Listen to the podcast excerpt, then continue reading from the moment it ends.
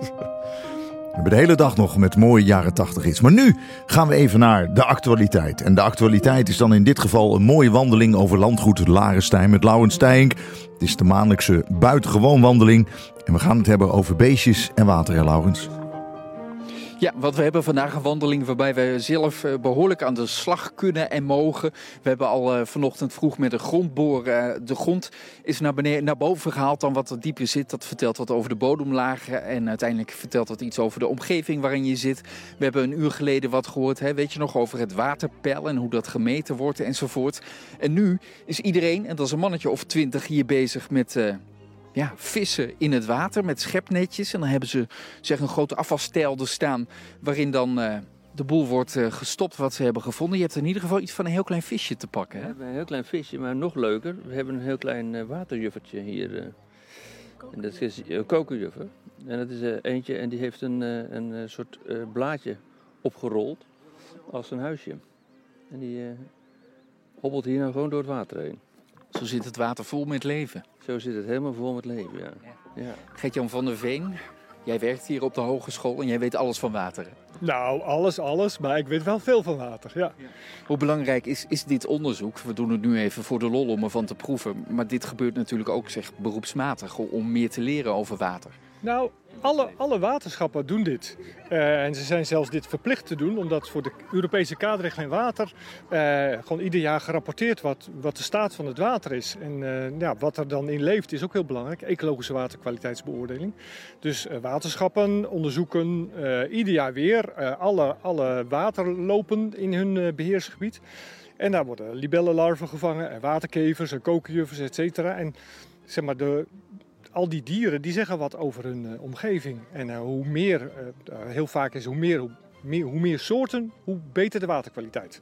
Oké, okay, dan heb je natuurlijk ook nog soorten, eh, zoals uh, afgelopen week heb ik een verhaal gemaakt over de beekprik. Een bijzonder visje, dat visachtig diertje is het eigenlijk. Het is niet een echt visje, leeft in de modder, komt uh, op een gegeven moment een paar weekjes boven water om zich voor te planten. Of in het water, boven die modder uit, om zich voor te planten, gaat dan weer dood. Maar dat, dat is een beestje, dat heeft heel schoon water nodig. Ja, precies, heel schoon en heel zuurstofrijk water. En dat is ook een soort die echt, echt gebonden is aan stromend water, omdat daar nog meer zuurstof in zit. Dus die kan in stilstand water niet overleven. We zijn nu in een vijver aan het uh, scheppen.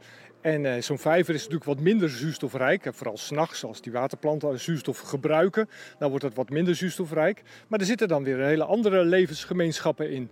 Maar ja, aan de hand van, ja, dit is dan een stilstandwater en de kookjuffers die we zien en de, de kevers die we zien, uh, dat, dat zegt wat. Ja, en dat is erg leuk omdat je dat ook zelf kunt doen. Gewoon met een netje, gewoon, en zelfs met een keukenzeefje. zijn hier ook met een keukenzeefje aan de slag. En uh, gewoon beestjes vangen.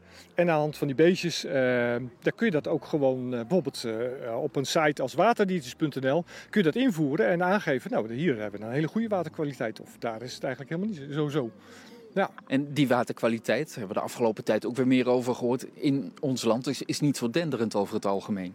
Nee, dat klopt. Ja, het gaat wel. Uh, we zijn sinds de jaren 70 gaat het wel een heel stuk beter. Hè, want toen was heel veel uh, rivieren waren gewoon uh, ecologisch dood.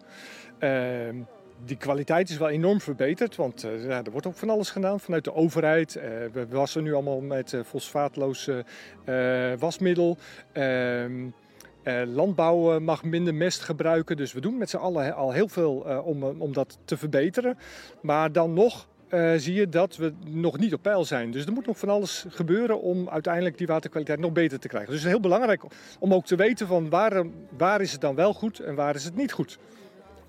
Het is een beetje, beetje kind zijn, je zit ook eigenlijk weer, hè? toch? Hoe is dit voor jou? Ja, helemaal. helemaal en dan kijken door een loepje. En wat zie je dan? Een druppeltje water? Ja, en daarin zit een hele kleine, ja we zijn nog aan het zoeken, maar waarschijnlijk een watermeid. Maar die zou rood moeten zijn, maar dat zien we dan weer niet.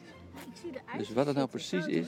Het kind in mij komt ook naar boven, André. Ik heb zo'n neiging om iemand zo even een setje te geven. En dan plons, want dat is zo mooi voor op de radio. En dan heb je goed geluid. Eh, ik duw wel terug. Je duwt terug. Dan, dan laat ik het maar. Ja, de Hogeschool van Hal Larenstein ligt dus eigenlijk midden in een park, midden op een landgoed moet ik zeggen. En uh, dat is waar we vanochtend de hele ochtend rond hebben gewandeld.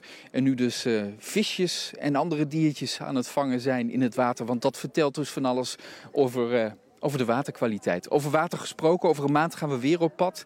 Ook belangrijk dan waterkwaliteit, want dan gaan we op zoek naar de bever. Ik dank Oh. je wel voor je verhaal.